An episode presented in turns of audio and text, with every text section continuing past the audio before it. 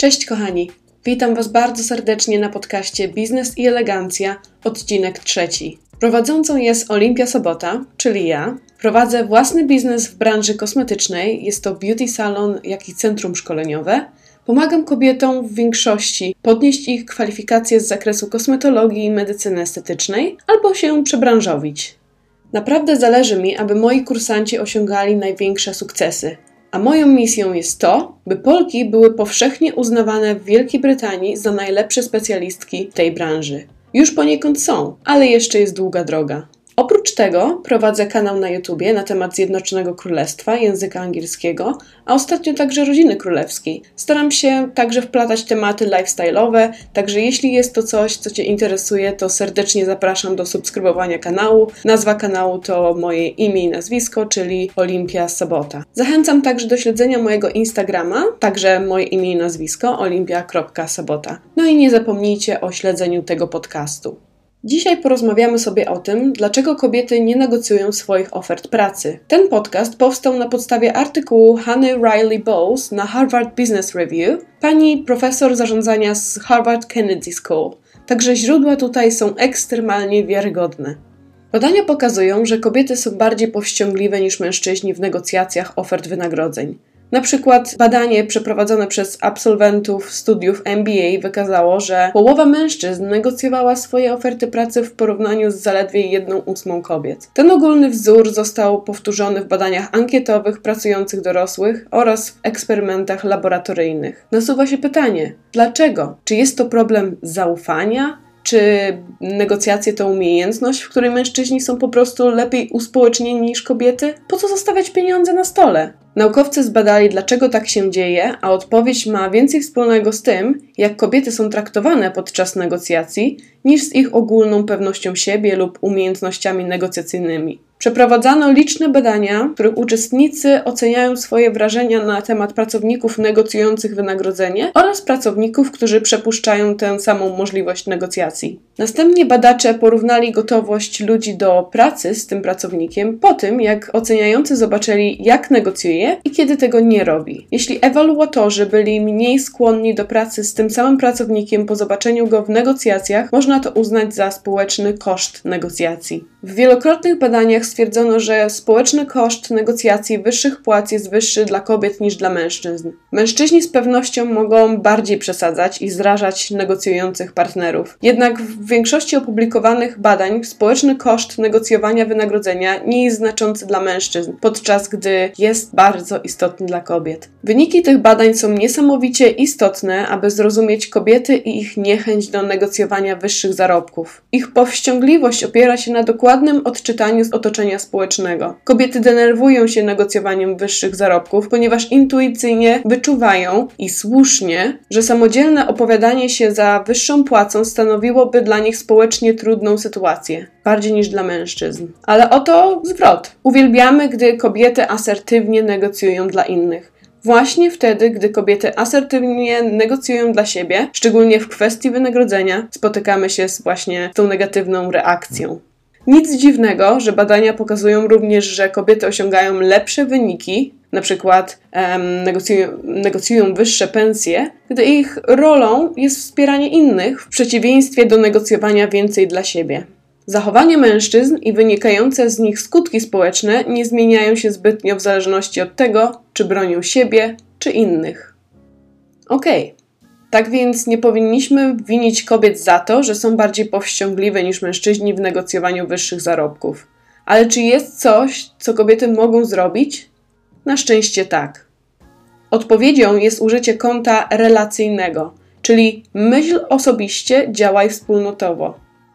Korzystanie z konta relacyjnego lub strategii ja-my polega na proszeniu o to, czego chcesz, jednocześnie sygnalizując swojemu partnerowi w negocjacjach, że również przyjmujesz ich perspektywę. Jak to działa?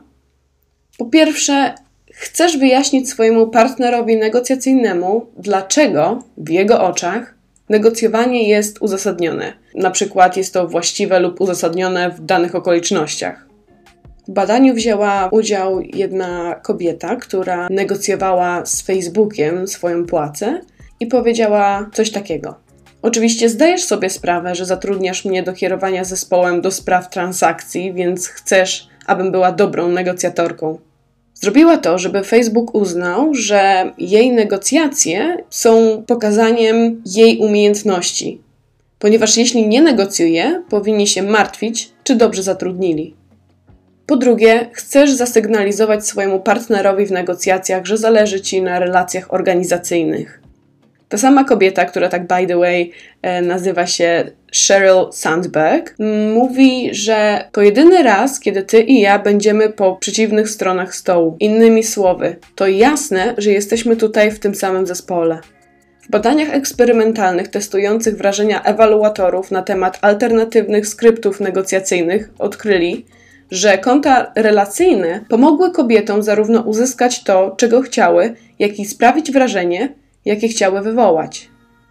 Na przykład jedno sprawdzone konto relacyjne, które było testowane, to nie wiem, jak typowe są negocjacje dla ludzi na moim poziomie, ale mam nadzieję, że zobaczy Pan moje umiejętności negocjacyjne jako coś ważnego, co mogę wnieść do pracy.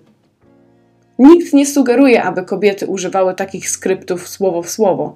Opracuj tak zwaną strategię ja-my, która ma sens w Twoim kontekście i jest dla Ciebie autentyczna. W tych badaniach, kiedy wyjaśnienie, dlaczego kobieta negocjowała, wydawało się uzasadnione, ludzie byli bardziej skłonni przyznać jej wniosek o odszkodowanie e, w porównaniu do sytuacji, gdy po prostu negocjowała wyższą pensję bez, bez takiego wyjaśnienia.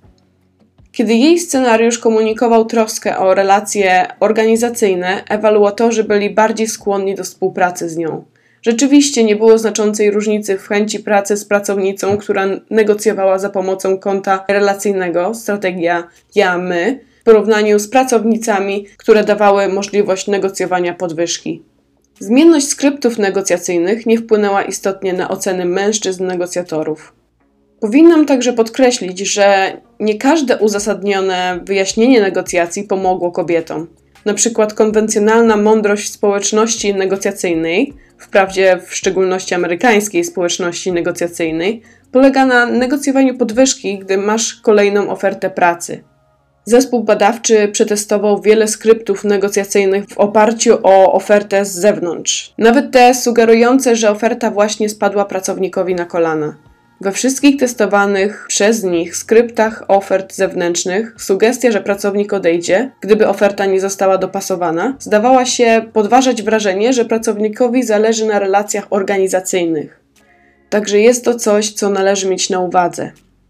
W rezultacie ewaluatorzy stwierdzili, że chętniej przyznają kobiecie z ofertą zewnętrzną podwyżkę, ale nie są skłonni do współpracy z nią w porównaniu z tym, gdyby przepuściła możliwość negocjacji. Skrypty z ofertami zewnętrznymi nie miały znaczącego wpływu na ocenę mężczyzn negocjatorów. Kluczem do strategii dotyczącej kontrrelacyjnego lub tej strategii, o której wspomniałam, która nazywa się ja-my, jest wyjaśnienie, dlaczego Twój partner powinien postrzegać Twoje negocjacje jako uzasadnione w kategoriach, które również wyrażają Twoją troskę o relacje organizacyjne. Powinnam przyznać, że pomysł wykorzystania kontrrelacyjnych lub strategii ja-my doprowadza niektóre kobiety do szaleństwa. Sprawia, że czują, że pochylają się nad niesprawiedliwymi stereotypami lub po prostu są nieautentyczne. I niestety tak jest.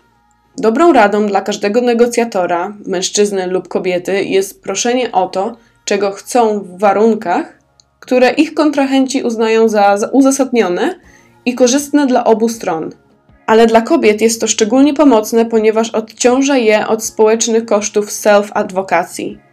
Dzieląc się tymi badaniami, mam nadzieję rzucić światło na to nastawienie. Większość ludzi nie chce dyskryminować. Mając większą samoświadomość jako negocjatorzy i ewaluatorzy, możemy pracować nad zmniejszeniem tej różnicy płci. I pamiętaj, negocjacje to nie to samo, co targowanie się. Kochani, bardzo dziękuję za wysłuchanie tego odcinka podcastu. Mam nadzieję, że dowiedzieliście się czegoś nowego, a także Wasza samoświadomość się powiększyła, jeśli jesteście ewaluatorami. Zapraszam na mój kanał na YouTubie. Nazwa to moje nazwisko, Olimpia Sobota, a także Instagram olimpia.sobota. I mam nadzieję, że widzimy się niedługo. Na razie.